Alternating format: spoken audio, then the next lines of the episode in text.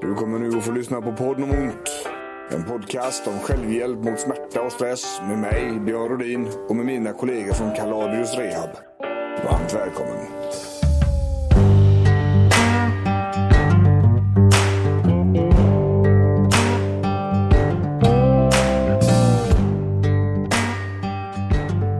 Välkommen tillbaks på podden om ont. Björn Rodin. Tobias Marmede. Producent Måns. Du håller på att säga lite efter mig hela tiden här.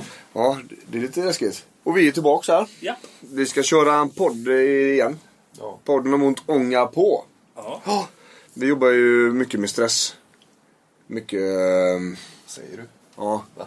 Det blir ju så tyvärr. Ja. Och det, blir ju, det har börjat att bli mer och mer där det bara kommer klienter till oss som eh, har stressbesvären. Eh, och det, även om vi är ett rehabföretag i grunden så, så som vi ser det så är det, behöver man rehabiliteras från stress också. Så vi har väldigt mycket klienter som kommer hit och vi kör ju även en kurs. En, en stress och smärtlindringskurs för alla. Som startar den eh, 5 mars. Här, som jag kommer köra sex veckor. Eh, och vi har även faktiskt online seminarier och online-utbildningar på gång när det gäller stressbiten också. Så den är på gång stort. Det, Vi ser att behovet utav det som vi ser stress på, det, det växer. Och då är det gigantiskt redan från början. Så vi ska försöka svara upp på det där lite grann. Va? Och det är jättemånga också som har kommenterat eh, på vår Facebook om att eh, de gärna vill ha någonting som är digitalt. Ja, Som inte kan ta sig lika lätt. precis. Så att eh, den är, det blir grymt alltså. Eh, och idag ska vi fortsätta med det där med stress. Stressverktyg, tänker jag. Det behöver alla. Ja, jag tror fan det alltså. Vi har ju haft olika avsnitt va? Vi har ju haft ett avsnitt om stress. Där vi förklarar vad det är för något. Vi kommer in mer på det idag igen. Och sen har vi ett, eh, haft ett avsnitt eh, som handlar om återhämtning. Som eh, borde vara fysisk återhämtning men framförallt då mental återhämtning. Att hjärnan inte bara behöver sova. Utan hjärnan behöver uppleva. Och, och behöver vara i fred och, och liksom med sig själv och så vidare. Då, va? Och idag så tänker jag att vi ska gå in lite mer på de här verktygen som vi använder. De rena verktygen. Så vi kan få lite mer hjälp liksom. Kött på benen. Kött på benen, lite mer eh, struktur och ordning och lite grann som vi tänker. Och som vi jobbar med, ska jag säga. Och vi ska börja då med det vi kallar för, eh, och det vi även pratar om ska jag säga. Ja. Eh, I stressavsnittet. Just, vi jobbar ju med, med eh, psykologin runt KBT. Just det. ACT, Acceptance and Commitment Therapy och, och även då DBT. Och i den här, eh, då ritar man alltid upp en triangel va. Och så har vi högst upp så har vi ju känslan. Och då har vi oro, stress, rädsla, ångest där uppe. Och oro och stress de bor ju hand i hand. De bor ju liksom i samma rum. Samma grej. Och det är ju kroppen upplever, eller människan upplever någon form av hot. Och blir därför stressad, orolig liksom. Sådär va. Eh, Och stress är ju ett beredskapssystem i kroppen. Det har vi pratat om innan i den här podden också. Att ju högre beredskap ju mer redo är du för att ha ont. Eller larm, att larmet ska gå. Och larmet är det sympatiska nervsystemet. Och beredskap för allt. Ja. Inte bara smärtor. Nej, precis. Vilket innebär att ju högre stress, ju mer redo är du för att ha ont. Och ju mindre behövs för att du ska få ont. Ja. Det finns till och med, det kan till och med gå så långt att, att eh, signalerna som kommer ifrån vävnaden som, är, som vilka signaler som helst tolkas som varningssignaler och därmed gör ont. Då har det blivit psykosomatiskt. Och eh, de här oro, stress, rädsla och ångest, de är ju, de är ju jävligt jobbiga. Va? Man vill ju inte riktigt känna dem. Det är, det är ingen, ingen människa vill ju vara där. Men de har en funktion. Vilket är väldigt viktigt att komma ihåg. Alla känslor har en funktion. De gör någonting. Och oroskänslorna, stresskänslorna, rädslakänslorna. De gör ju att man blir försiktig. De gör ju att man liksom är redo för ett hot. Som man bedömer kommer. Eller som hjärnan bedömer kommer på något vis. Så det, det är ju en av funktionerna då. Och om det hotet är, faktiskt finns. Då är det ju helt eh, rimligt att faktiskt vara orolig. Ja. Så, eh, och att vara stressad. Mm. Så eh, det är viktigt att kunna. Absolut. Så utan stress hade du sannolikt inte överlevt som människa. Liksom. Och det här skapar ett beteende. Eftersom vi inte vill känna det här så flyr vi. Man gör massa saker som man slipper tänka.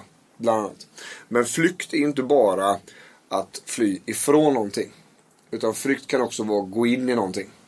Alltså aktivt motarbeta. Så, så vi, dels kan vi ha den här situationen där man människan faktiskt ser till att ha så mycket att göra i huvudet så man inte hinner tänka. Eller hinner känna. Men det kan också vara så att man går runt och letar. Eller att hjärnan går runt och söker efter hotet inuti. Som ligger till grund för känslorna. Då pratar vi om någonting som kallas för självskanning då. Det är inte hypokondri. Nej. Det är inte hälsoångest. Utan det här är ett sätt för hjärnan att försöka hitta det hotet. Och då letar den gärna på någonting som är eh, begripligt och nära. Det är lättare att ha ett besvär som skapar din hot, ditt hot i ryggen. Som man kan få ett svar på från en doktor på en röntgenbild eller så vidare. Så vidare än att det är en jobbig upplevelse i ungdomen. Som skapar din stress och din oro. Okej. Det blir Men de kan vara samma. Oh ja. Oh ja. Det spelar egentligen ingen roll var det kommer ifrån. Det är väldigt vanligt att, att eh, man är orolig och stressad eh, utav uppväxtsituationer. Tråkiga grejer som har hänt. Men det har satt sig så hårt och djupt att man går runt och letar efter problem. För hjärnan försöker lösa hotet just nu. Så att det, det är liksom... Du har, du har stress och du har en förnimmelse och det är väldigt lätt att koppla ihop de två även om de inte egentligen eh, har någon relation till varandra. Ja. Och de här, de här känslorna, det här beteendet, det skapar någonting som kallas för tänk om-tankar då, eller katastroftankar. Kopplat till självskanningen så finns det ytterligare en tanke där. Det är att någonting måste vara fel-tanken. Det känns konstigt. Jag går runt och letar. Jag har, jag har tanken av att någonting måste vara fel. För att grundkänslan skapar det här då. Och det här, är, det här är väldigt viktigt att ha koll på när det gäller just stress. För att det kommer någonstans ifrån. Och stress är stress oavsett liksom, så är stress någonting, det är en beredskap liksom, oavsett var det kommer ifrån. Och när vi då har ett väldigt högt tempo i kroppen och haft det under väldigt lång tid så kan vi råka lite tråkigt ut. Om vi då dessutom har till exempel en uppvärmningsfas som följs av ett akut insjuknande då kan vi råka ut för någonting som heter utmattningssyndrom. Vi pratade om tidigare. Det ser riktigt till det. Ja, vi ska försöka undvika det så långt det går. Det kan ta väldigt, väldigt många år att komma tillbaka från det. Ja, Ja, det Eh, var jobbigt. Ja, precis. För att det här tempot då, va, som eh, beteendet skapar, som flykten skapar. Antingen det här man kämpar emot någonting eller flyr från någonting. Det gör att, att stressen i sig ökar för du får ju bråttom. Och jag har jättemånga kunder som, som, kan, alltså, som kan relatera till den här känslan. Jag har skitmycket att göra, men jag vet inte vad jag har gjort. På en hel arbetsdag. Man har haft så jävla mycket att göra. Men när någon frågar vad har du gjort idag? så kan man inte svara på det. Och när man börjar tänka efter och försöka dissekera dagen så är det inte säkert man har gjort så mycket. Men hjärnan har haft fullt upp. Och det är också det man får ha respekt för. Bara för att det just nu inte är mycket att göra precis just här. Så kommer hjärnan att fortsätta vara stressad. Och själen kommer fortsätta köra det här tempot. Vilket innebär att, att det kommer inte bara gå att vila bort. Eller Nej. så va? Och, och, och vila är ju inte heller det här att, fakt- att ligga och titta på, på TV. Nej. Eh, Eller att göra någonting annat för den delen. För att som sagt, är man fortfarande uppvarvad, även om man så att säga inte ligger, inte gör någonting. Mm. Då, då vilar jag ändå inte hjärnan. Nej, det vet jag att eh, lyssnarna inte ser när du gör situationstecken Det var, där, det, det var därför jag sa så att säga? Klassisk eh, sån radiofälla. Ja, Man, äh. Men jag har ju suttit och gjort ansiktsuttryck och Ja, grejer. jajamän. Ja, det, det ser de inte. Nej. Nej. Nej, och det, det är ju så här då, alltså stressen är ju där. Eh, och när vi har ett väldigt högt tempo då, då kan det bli så att vi trycker oss över gränserna. Vi pushar. Tills vi kraschar. Och då är vi inne i en push and crash cycle. Som det kallas. Finns ingenting som, som, alltså finns ingen som kan säga hur många sådana varv man har i sig. Man pushar, man kraschar, man blir intvingad i en forcerad återhämtning. Och sen börjar man om. För ingenting har hänt under vilan. Det var som vi sa på senaste workshopen som vi hade om eh, stress och utmattning. Att det, det händer ingenting bara för att man vilar. Det, det, situationen har ju antagligen inte förändrat sig. Och så många som blir utmattade efter semestern. D- där är väl det tydligaste exemplet. Man har varit på semester fyra veckor. Känns asgött. Har ångest de sista dagarna inför jobbet och sen kommer man tillbaks och så är jobbet precis lika grisigt som när man lämnade en månad tidigare. Fast kanske mer att göra. Man har ett lägre tempo så man måste prestera ännu högre från dag ett. Och det är väldigt många som kraschar efter semestrarna. Ska jag säga. Det är också väldigt många som blir dåliga under semestern. Att man jobbar inför att man ska sluta jobba. Eh, Allting ska hinnas ikapp, bla bla bla bla bla. Och sen så när man väl går därifrån. Tar det... Tillåter sig att slappna av Ja, lite. då, då kommer det gärna så. Va? För när det gäller energi så är det det vi ska komma in på idag. Mycket. För att det som var 100% för tre år sedan, det kanske inte är 100% idag. Vi brukar rita upp en energirektangel. Och om man ritar upp en rektangel på papper så fulla triangeln, och det var som det var förr liksom. Det var 100%. Det var det. Men idag så kanske den stapeln är hälften. Och då är det 100%. Men när hjärnan tror att det är som det var förr. Så kommer den ligga och överprestera hela tiden. Och det mäktar hjärnan inte med. Där har vi då pushen. Man pushar sig fram till de gränserna som man trodde som man, som man tycker sig skulle kunna behärska idag. För det gjorde man förr. Så, och det är ordet borde som sätter oss i skiten där ju. Det, det, det, I det språksystemet så, så har vi ett ord. Det borde vara som det var förr. Vi har, vi har en, en, ett exempel, eller ett vetenskapligt exempel på att liksom visa hur det funkar med ordet borde. Som jag brukar köra när jag är ute och föreläser eller när jag var i workshops och sådär. Tänk att du har en, en labyrint. Du har en råtta i ena änden och, och en ostbit i andra. Släpper du ner råttan där så kommer den känna ostlukten så kommer den leta sig fram till ostbiten så får den sin belöning. Så gör vi om det. En, eller två, tre, fyra, fem, sex, tio gånger. Gång tio så har den hittat vägen direkt. Den går rätt på ostbiten och så fick den sin belöning. Den har blivit effektiv i sina val. Gång 11 flyttar vi ostbiten. Råttan kommer gå till osten först. Där den var.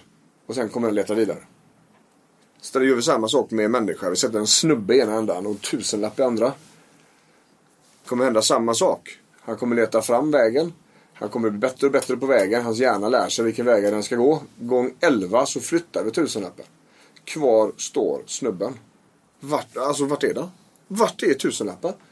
Och fan den har ju alltid legat här. Den borde ligga här. Och det är så våra hjärnor fungerar. Och vissa är väldigt mycket mer eh, tenderande till att bli så här. Att man, eh, ja man fastnar i det liksom. Det blir ett ältande. Och, och, och ältande säger våra psykologer att, att det är ju någonting som är ganska starkt förknippat med en oacceptans.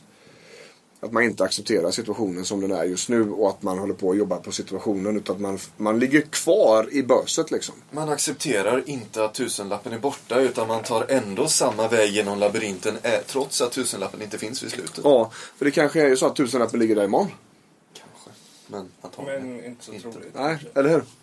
Eh, och, och det här är ju väldigt viktigt att ha med sig när det gäller energin. Att man måste acceptera att energin är som den är idag. För många som lyssnar på det här och många som söker information om stress och vill ha stressverktyg och stressredskap och sådana här saker. Det, det, är, det är väldigt sällan i den ändan de behöver börja. Utan ändan de behöver börja är att faktiskt börja se över vilken energi som finns idag. Så att de inte trycker sig över gränserna. Och för att man inte trycker- sig över gränserna tänker jag om så att då måste man veta var gränserna går. Ja. Och det är ju svårt när man är stressad. Eller hur? Ja. Man bara kör på. Ja. Man gasar tills det rasar. För det är så man alltid har gjort. Och väldigt ofta så de här beteendena, så de här forcerade grejerna eh, och, och, och det höga tempot i själen. Det har ju served us well i, i tidigare skede i livet. Det är ju fantastiskt bra att ha i yrkeslivet till exempel. Näringslivet. Där är högpresterande individer väldigt, väldigt bra. Men de eldar ljuset i bägge ändar så de kanske inte håller så länge. Och, och det här sättet, för att någonstans ta reda på, okej men är jag i, i riskzonen här? Det är ju det enklaste är ju att, att kolla av, okej men kraschar jag då? För så fort du pushar och kraschar, tvingas återhämta dig på det där sättet, då är du de facto över din egen förmåga att återhämta dig. Mm. Så, så enkelt kan det vara. Pressar jag mig så att jag, så att jag blir totalt däckad, då gör, du för, då gör jag för mycket. Mm. Och det pratar vi om i stressavsnittet också. Det finns ju två väldigt bra flaggor att kolla på. Det första är eh, när normal återhämtning inte räcker längre. När en, en god natts sömn inte funkar, när en rast på dagen inte funkar, när avkoppling på kvällen inte funkar. Det är det ena. Och det andra är när de här vanliga uppgifterna man har på dagen, både vardag, hushåll och, och jobb. När jobbet och de här grejerna tar mer energi än de brukar. De två grejerna, det är liksom checkpoint Charlie. Där det är högt vatten, och hajar under. Där bör man dra i handbromsen. Och handbromsen kommer vi in på lite sen.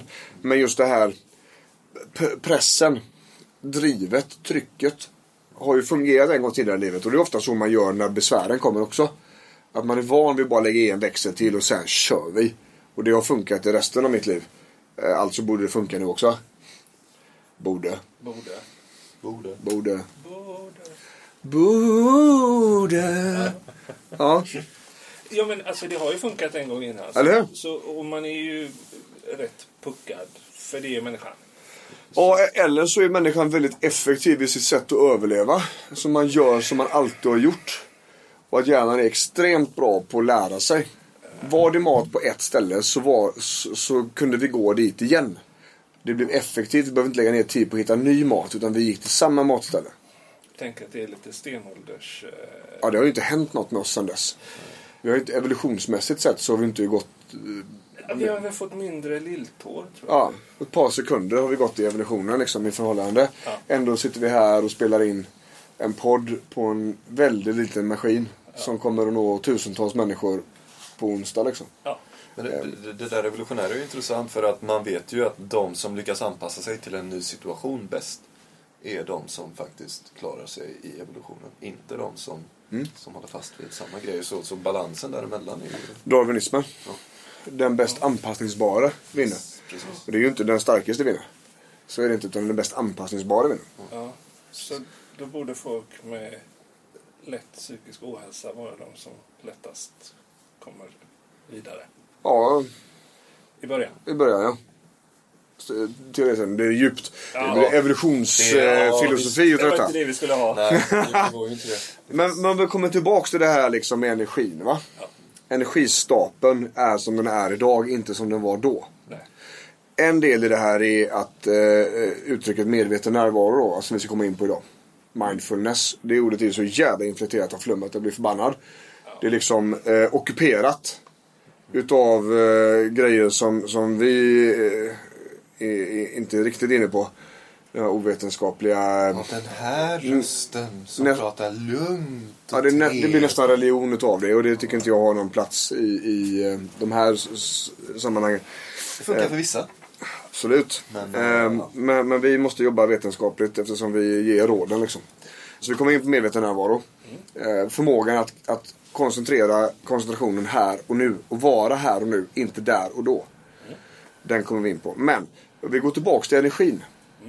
Vi, tar, vi sa att vi får inte trycka oss över gränserna för då kraschar vi och det, det där är vägen till utmattning. Liksom. Och eh, då tänker jag så här, för att kunna ta reda på hur energin ser ut så skulle vi vilja flagga för, för en grej som vi använder. Och som vi har börjat att använda väldigt mycket mer sista kvartalet, skulle jag säga. För att behovet har blivit större. Bland våra klienter och de som kommer in nytt och sådär. Och det är dagböcker. Vi gör fyra stycken dagböcker i princip vid samma tillfälle. Och det är för att få en övergripande blick av hur energin ser ut. Så att energidagbok är ju då hur mycket energi upplever jag att jag har. Då kan man skriva då mellan 0 och 10. Jag vaknar och så har jag typ en 8. Och sen så går den energin upp kanske lite till efter frukost. Och sen så går den ner lite grann innan lunch och så vidare. Den kommer att fluktuera över dagen. Men det kan också vara så att man vaknar med väldigt låg energi. Och ser svart på vitt att det här är tufft. Om man vaknar med en femma utav tio möjliga. Då har jag inte så mycket marginaler om någonting skulle skita sig idag. Så det här blir ett sätt att visualisera det för våra klienter. Och, och dels för oss att se hur det ser ut i livet egentligen. Men också för klienterna att se, shit, jag har ju aldrig över en femma. Det här är ju inte så bra.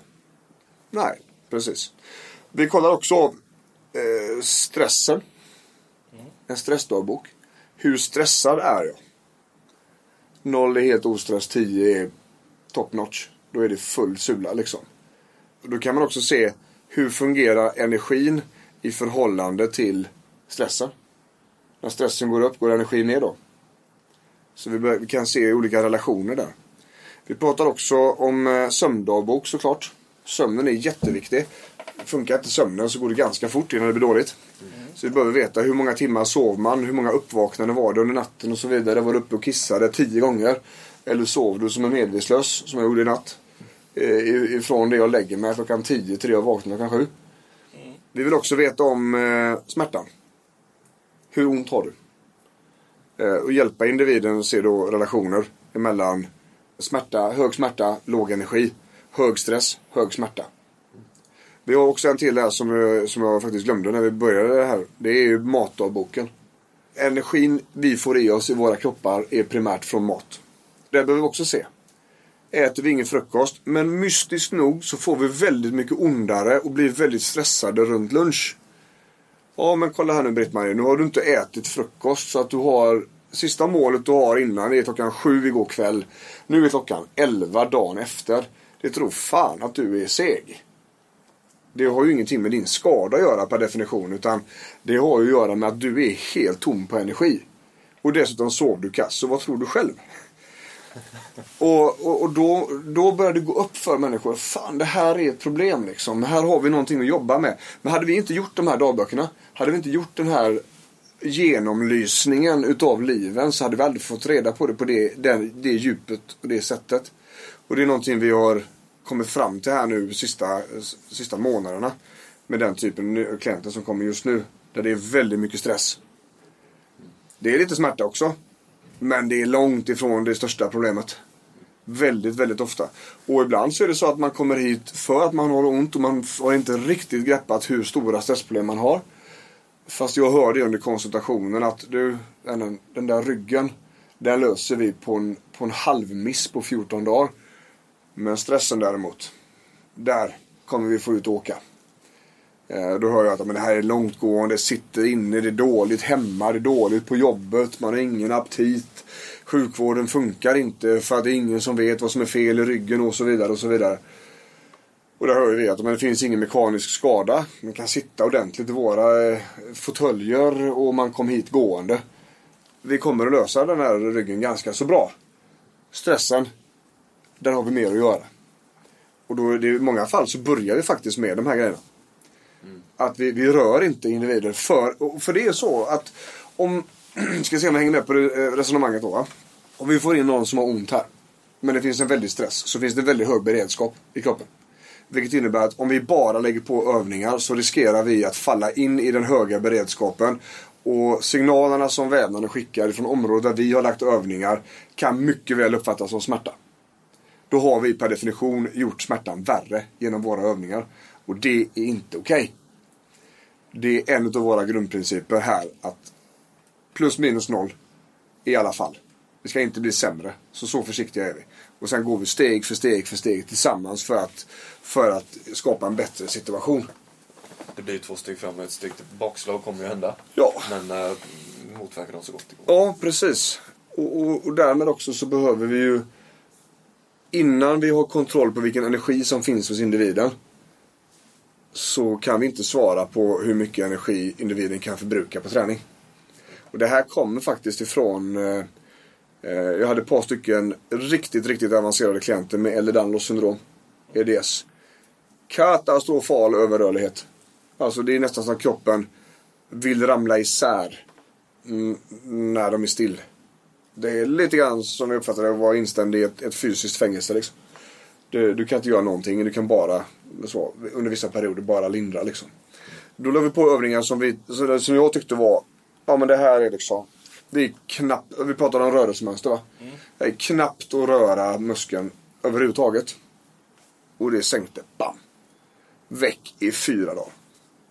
Och då börjar vi fundera, vad fan beror det på? Är det en sån enorm trötthet? För det finns nämligen, alltså när man är så trött att det blir en sjukdomströtthet utav det. Kallas ju för fatig. Eh, och den, den jäveln kan du inte varken sova dig fri ifrån eller, eller, eller eh, liksom äta dig fri ifrån. Utan den, den kommer och den skövlar liksom. Då måste man in på de här grejerna och jobba med, med KBT och psykologer och sådana här saker. Ofta. Det hjälper inte att bara vara stilla. Men då började vi göra en genomlysning på den här klienten. Och då hade jag faktiskt, eh, jag hade inte gjort en matdagbok, jag hade inte gjort en energidagbok. Vi hade gjort en sömn. Vi hade koll på smärtan. Men vi hade inte koll på vad individen åt, hur mycket ork det fanns och så vidare. Och då visade det sig att ah, det här är inte så bra. Här finns det jättemycket mer att göra. Och då insåg vi att, ja men det här, fan nu vet om inte det här är på fler liksom. Ja, vi började ju snacka och, och alla hade ju sett eh, samma tendenser Ja, vid sina tyngsta, eh, tyngsta klienter. precis. Så att, och det är så hos oss på Kaladius att ofta så dyker vi på väldigt avancerade relationer eh, i kropparna och i, i huvudet och sådana här saker. Får ordning på det och tar den nya kunskapen och bakar till den så att den fungerar för alla. Och det är så vi utvecklar oss liksom. Det är så vi, våran evolution ser ut hos, hos Kaladius. Om vi jämför med hur vi var 2013 så går det inte, det är inte samma, det är inte i närheten idag. nej, det, Det är en helt annan värld Ja. idag. Och det funkar så. Och, och det måste funka så för att eh, vi ska vara Men vi lär oss nytt hela tiden Ja, också. och vi ska vara i frontlinjen för, för klienternas skull. Det är ju vårt uppdrag att se till att bli så effektiva i vår rehab som möjligt. Och då kan inte vi fastna i skolböcker från 1986. Eh, utan då måste vi använda det vi har lärt oss och bygga om det liksom. Därav energidagböckerna, stressdagböckerna, sömn, smärta och kost. För då kommer ni, och det kan ni som lyssnar göra också. Skriv ner, dokumentera era liv, se, försök att hitta relationer. Försök att hitta mönster. Blir ni, går ni ner vid samma tid varje dag, då är ju det ett mönster. Det mönstret kan vi göra saker med. Vi kan försöka på olika sätt att ni inte går ner klockan ett utan att ni håller till klockan tre. Och då kommer jobbet bli lättare. Och då finns det mer energi kvar till efterjobbet. Okej, vad kan det bero på? Jag äter aldrig frukost. Nej, okej, jag är helt med på att du inte är en frukostmänniska, men jag skiter faktiskt i det. Helt och hållet. För att om man inte äter frukost så är du mer sårbar. Och har du problem med stress, smärta, energi, trötthet och liknande. Då är det fan bara vackert att få i sig någonting. Men det handlar ju inte om hotellfrukost utan det kanske är en macka och ett glas juice. Eller En smoothie. en smoothie, eh, något liknande. Bara det blir någonting som ger energi. För det kommer att skapa en bättre förutsättning. Och orka längre. Och kunna ta andra beslut och så vidare. Och det blir mindre sårbarhet. Både för smärta och för stress. Va? Så där, där är det. Så, ett, så det är ett av de här grejerna som vi ska få med oss i det här avsnittet. Eller en av grejerna. Är ju att börja för fan dokumentera. Skriv ner, anteckna, ta reda på vad är det, hur funkar det egentligen? För om jag frågar er som lyssnar, hur ser det ut i ditt liv? Ja, det är väl ganska bra. Nej, det är det ju inte. Det, det är ju inte ganska bra, utan det, ni har ju egentligen ingen aning om hur det ser ut. För man sitter i den här jävla stormen jag är likadan, ska jag säga. Jag har inte heller någon aning. Jag hade säkert behövt göra både en energidagbok och stressdagbok och så vidare. Eh, Men just nu så, så fungerar mitt liv på ett bra sätt. Så jag har inget behov av att fixa någonting som inte är trasigt. Om det däremot skulle bli skit så hade jag gått här, det första jag gjorde, hade varit att dokumentera liksom. Det är ju så lite, liten ansträngning också och Ja. så mycket vinst. Ja, Och även om man inte hittar ett mönster själv så har du dokumenterat allting. Då kan du ju ta dokumentationen till någon som, kan, som, som jobbar med dig och som kan hjälpa dig och, och hitta mönster som du inte har tänkt på. ja. Så, men om du bara gissar, då, då har du ju ingenting. Nej. Och det är ju det som är... eh, Det, det är ju det som är så otroligt intressant. Att bara genom att belysa situationen så kommer vi att få väldigt mycket ut utav den. Och jag tänker så här. Eh, nu har vi pratat om energidagböckerna. Då har vi koll på energi. Eh, och vi pratar om den här triangeln, KBT-triangeln och oro, stress, rädsla, ångest. Det behöver finnas en balans där. Om jag drar ett streck igenom den här triangeln så har vi varandet på ena sidan, på vänstersidan. Och vi har görandet på högersidan. Och det är faktum att när vi kör på för hårt, kanske för att vi har för lite energi, och är så pass stressade att vi har sånt tempo att vi gör mer än vi är. Då kommer vi tippa över och då kommer allting i känslorna. Då kommer vi bara agera på det vi känner. Då kommer förnuftet få mindre plats. Och då blir tankarna äkta. Så de här tänk om-tankarna och katastroftankarna, någonting måste vara fel-tankarna. De kommer hjärnan att tolka som sanningar. Men tanken är ju inte värd mer än en dröm när den kommer, eller hur? Nej. köttet, köttet som genererar alla de här grejerna i huvudet. Eh, alla de här sjuka grejerna som man tänker på när man blundar. Det är ju bara tankar, det har inte hänt något. Det är inte värt mer än en dröm. Nej. Men om hjärnan har sånt högt tempo, att man är så mycket i känslan, att de här tankarna blir sanningar. Så kommer du gå runt och leva i en katastrof, för den håller på att hända. Ju högre tempo, desto mindre analys. Ja, precis. Väldigt, väldigt enkelt. Och om man har högt tempo, låg energi, låg analys. Då kommer du inte kunna stoppa. Du kommer inte kunna bryta det mönstret. För det kommer bara fortsätta, fortsätta, fortsätta, fortsätta. Då tänker jag så här, lösningen och det som KBT pratar om och som, som ACT pratar om. Är ju det vi kallar för medveten närvaro. Och det är ju handbroms.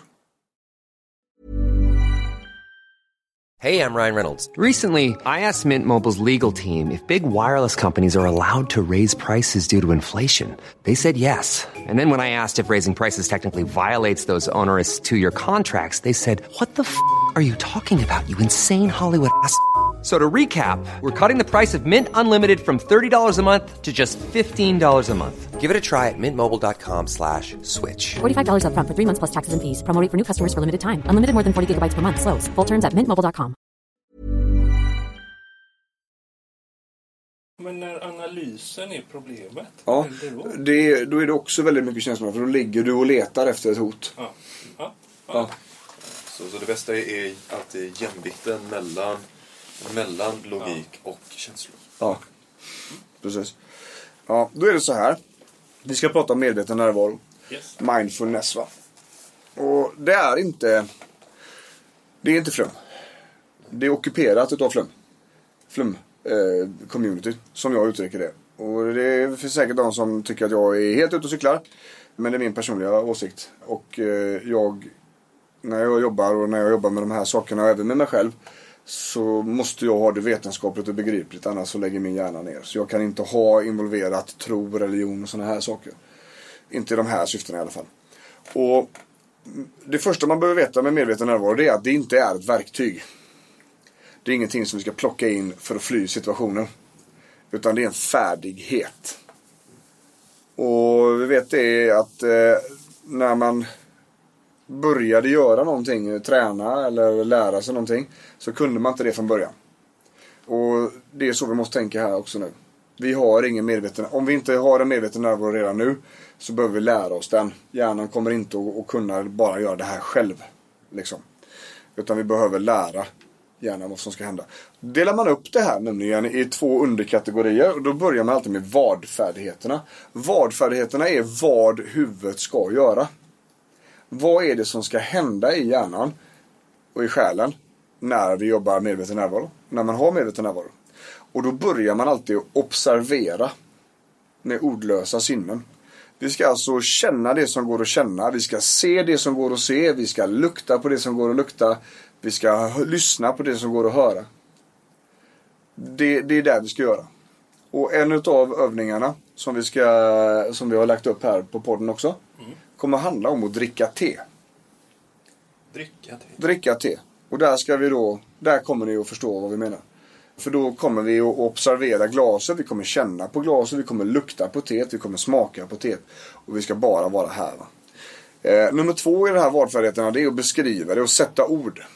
Att beskriva genom att, att säga inuti liksom att jag eh, ser att vattnet krusar sig. Jag ser att vattnet ändrar färg. Smaken påminner mig om landet när jag var liten och vi åt frukost och drack Earl Grey med mjölk och socker. Så här, liksom beskriva det. Vi måste ju också säga att det funkar med kaffe. Ja, ja. Så är det ju. Funkar med kaffe också, absolut. Men, men det här att sätta ord på eh, liksom upplevelsen som du har. Yes. Eh, och därefter så, eh, sista delen på vadfärdigheterna där, det är ju att delta. Man måste vara där. Man måste, man måste vara fast i att dricka teet där liksom.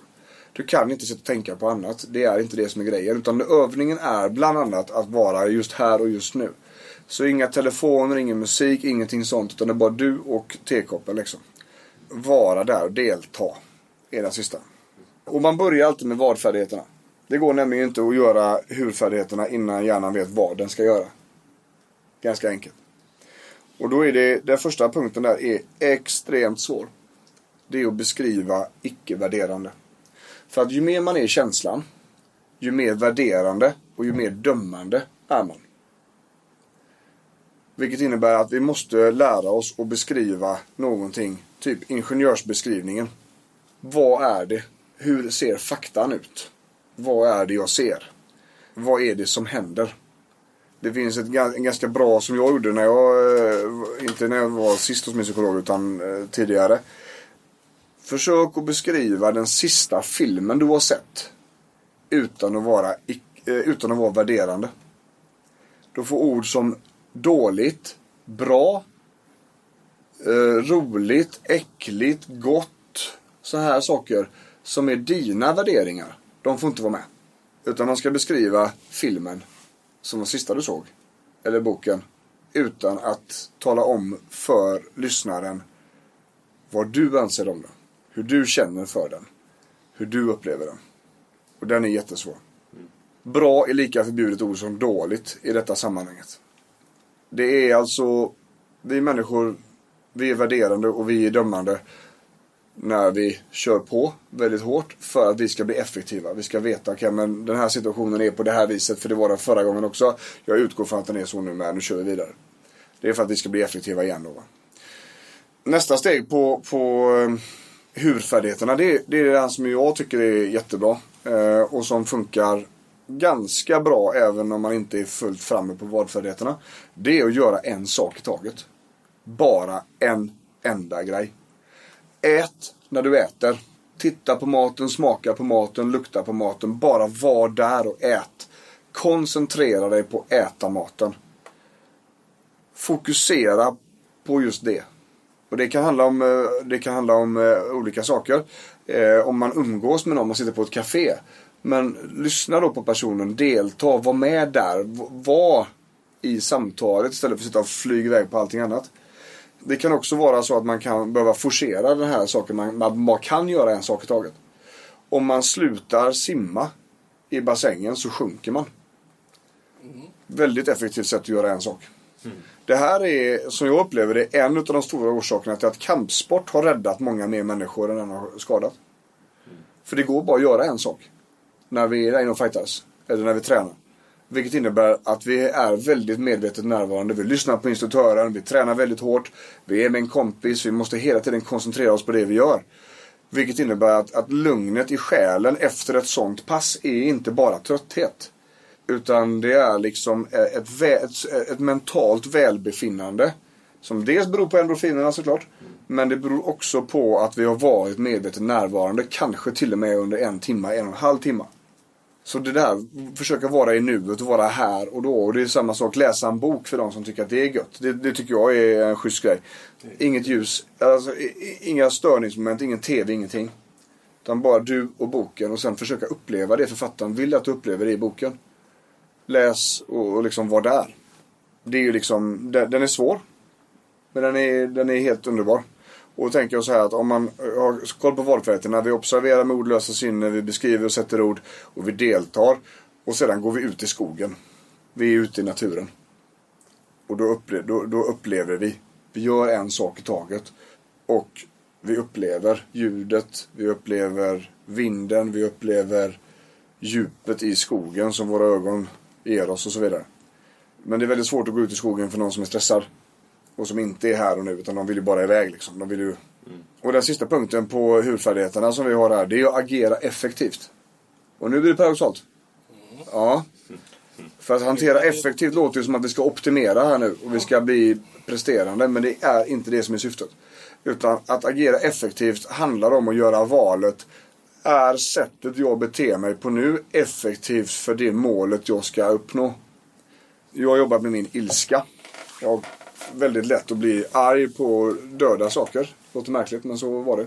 Jag vill typ eh, elda ner och sparka sönder pantmaskinen för att den flummar med mina flaskor. Och när, om jag då kan bromsa där och ta beslut. Är jag effektiv för min pantning här nu och stå och bli vansinnig på den här jävla maskinen? Eller ska jag bara lugna mig? Försöka lägga in flaskan lite långsammare. Eller byta maskin om den här nu är trasig. Ja, det hade varit effektivt för mig. Om jag inte vill visa upp min, eh, min ilska för mina döttrar så de ska ta vidare eh, på det eller fånga upp det. Då är det ju inte effektivt för mig att visa upp det. Om jag inte vill att de ska ta över det. Är du med på vad jag tänker? Alltså effektivt för målet. Ja, precis. Att handla effektivt. Är jag effektiv för målet? Har jag på att jobba på någonting här nu? på att vara lugnare. Då är jag ju inte effektiv om jag ökar tempot. Jag är effektiv om jag sänker tempot. Om jag vet att jag går in i en push and crash eller att jag överpresterar om den här energirektangeln. Då är det ju inte effektivt för min återhämtning eller effektivt ens för det jag vill ta mig för i framtiden. Om jag går in i push and crash i alla fall. Ja, Trots att jag vet att det kommer att hända. jajamän. Och, och, och det här är ju då essensen i medveten närvaro. Hur man övar på det här. Det vi ska, de här två övningarna vi ska lägga upp här som extra avsnitt idag. Börja bygga övningsbanken. Så kommer vi prata dels om eh, själva medveten närvaro, observera. Men vi kommer också att eh, ta hand om oviljan att vara kvar i känslan. Det är bra. För att eh, i grund och botten så vill vi ju inte känna det här äckliga som är uppe. Oro, stress, rädsla, ångest. Det är ju grunden. Vi vill ju inte känna det. Oavsett var det kommer ifrån så vill vi inte känna det. Och då gör vi någonting för att försvinna. Men då är det så här. Att vi har någonting som kallas för ångestkurvan. Om vi ligger längst, om vi har en graf här, en x-axel, en y-axel. Så ligger vi längst ner på bottenaxeln. Och sen så händer någonting som får oss att må dåligt. Då eh, rusar den. Och så får vi kanske ångest eller vi- känslan slår på. Om vi där då gör någonting som får bort den känslan så sjunker besväret. Ångesten sjunker. Men då fick hjärnan också rätt. Ja, jag visste det. Det var fel. Det var farligt. Bra att du gjorde så här nu. För nu slipper du känna så här. Nästa gång samma sak händer så får du lite större påslag. Och så gör du samma sak. Quickfixar ångesten. Och så försvann den. Sen så händer samma situation igen. Så bygger du upp alltså. Ju mer, ju mer sådana quickfixar du har ju jobbigare blir det. Och, och vända den trenden det är precis på samma sätt som jag jobbar med fobier. En, en viktig sak när det gäller fobier det är att exponera sig för det man tycker är läskigt. Och det är samma sak här.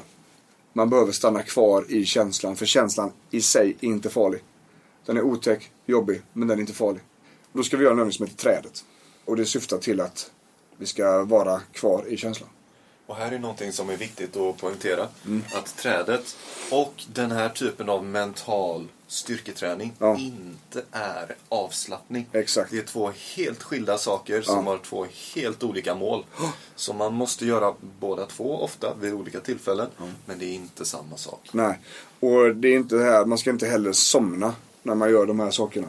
Och, utan det här är styrketräning för hjärnan kan man säga. Ja. Och det är för att bygga färdigheter. Så att den ena övningen är ren medveten närvaro och då har vi börjat med vadfärdigheterna. Den andra övningen är för att våga vara kvar i känslan. Och medveten närvaro är ju handbromsen. Medan görandet är ju liksom gaspedalen. Och vi måste bygga fram en handbroms. För den, hos väldigt många människor så finns den inte idag. Och det är kanske det viktigaste stressverktyget vi har just nu. Eh, det är också så här att det spelar ingen roll hur mycket verktyg man har om beredskapen hela tiden höjs. Man kan alltså inte putta in mer skit i livet hela tiden. Utan någonstans så måste det också tas bort under en period. Eh, det är väldigt vanligt också att livet bara har hänt och det är liksom kaka på kaka på kaka på kaka. Och helt plötsligt är det övermäktigt samtidigt som man blev trött. Samtidigt som man blir stresskänslig. Samtidigt som andra saker hände. Och jag har ju den inställningen att vuxna människor bestämmer faktiskt över sina liv själva. Jag kan bestämma att jag vill ha det bättre. Att jag inte vill ha det på det viset jag har det idag. Jag är värd att ha det bättre. Jag är värd att ha det bättre. Och man kan välja. Man kan välja. Nu är det saker i livet som kanske inte alltid går att välja. Sjuka barn, sociala problem och sådana saker. Har man hamnat där eller fått det till sig så är det inte bara att ta bort. Myndigheter som kanske inte... Ja, Ja. helt medveten om detta va. Men ändå så kan man göra prioriteringar runt sin energi och runt sitt välmående. Så man måste tänka lite mer på sig själv och lite mindre på eh, hur omgivningen uppfattar det. På lite sätt och vis va. Så medveten närvaro tillsammans med att få en översyn över hur energin, orken och det här ser ut på dagen genom dagböcker gör att vi för det första vet var gränserna går. Så vi inte behöver trycka oss över dem.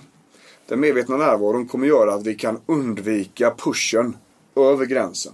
Men om vi inte är medvetet närvarande, om vi inte är här och nu, så kommer vi osannolikt att kunna bromsa det här när det behövs. Så tänker jag. Ja. Verkar det vettigt? ja. Uff. Ska du säga emot nu Ja, nu. Är, är det nu jag ska inleda med... Ja, men jag tror inte riktigt på detta. Nej. Nej. Jag säger inget. Jag är med. Jag tycker att det är jättebra. Och jag tycker att det funkar jättebra. Mm. Det, det är inte det som är grejen. Det, sen finns det andra saker som gör att det inte funkar. För dig ja. Men det är Mm. inte... Nej, nej, nej. Det hör inte till... Till, Till den här diskussionen. Nej, så är det ju. Absolut inte. Så är det ju. Det, tanken om det och tanken bakom är jättebra. Mm. Och den funkar skitbra. Och så är det ju. Och det finns ju alltid avvikelser detta. Såklart att. Det, och det kan du ju ha på vad som helst. spelar ingen roll vad du Nej. pratar om. Så är det ju. Men vi vågar sticka ut hakan och säga att, att alla behöver se över sin energi. För att kunna disponera den. Det behöver alla. Ja. Eh, Och då pratar vi eh, vilken energinivå man har, hur man har ätit, eh, vilken stress som finns, vilken sömn som finns och hur ont man har. Ja. Det här gör man, tänker jag, under sju dagar. För att få en, en översikt över veckan ser ut. För det kan till och med vara så här, och det är väldigt viktigt i pacing, och det vet jag att Tobbe brukar trycka på mycket. Att det är inte bara idag. Utan skit du gör idag kan ha konsekvenser om fyra dagar. För vissa är väldigt bra på att hålla ut tills det inte går längre. Och det är också en push på sätt och vis. Det är inte bara över dagen då ju. Verkligen. Utan det är över veckan. Ja.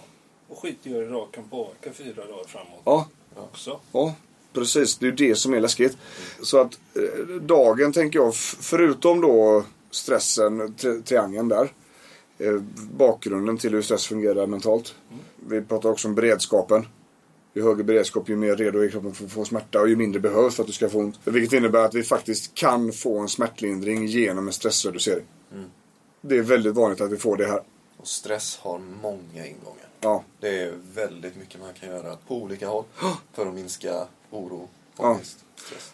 Och bara genom att, att lyssna på en podd kanske, kolla på en film om ämnet, så kommer kunskapen öka. Då kan oron minska något och då har även stressen minskat något. Eh, Och det är väl en av de stora orsakerna till att vi faktiskt hjälper människor som inte kommer hit. Som lyssnar på de här grejerna, som tittar på filmer och så vidare. Och så får man hjälp på riktigt. Stor del av det är att vi når fram med information. Vilket är väldigt eh, roligt. Och det är också det som är med eh, stresskurser och, och eh, onlineutbildningar och sådana här saker. Det är väldigt effektivt och allting måste börja och sluta i kunskapen. För att ju mer vi vet om vår situation, ju bättre val kan vi göra. Eh, ju mer insikt har vi, ju mindre oroliga kan vi vara och ju mindre blir stressen. Ju mindre behöver vi fly och ju mindre jobbiga tankar kommer det. Vi, vi pratar också om push and crash. Vi trycker oss över gränserna för att sedan krascha helt och hållet in i en återhämtning och sen börjar vi om. Vi pratade, I kombination med den så pratade vi också om energirektangeln. Om vi ritar upp en, en rektangel på ett papper, eh, en stående, så var hela den rektangeln det var 100% för, förr. Men idag så kanske det är knappt hälften som är 100%. Men hjärnan tror ofta att det är som det var förr, för det borde vara förr.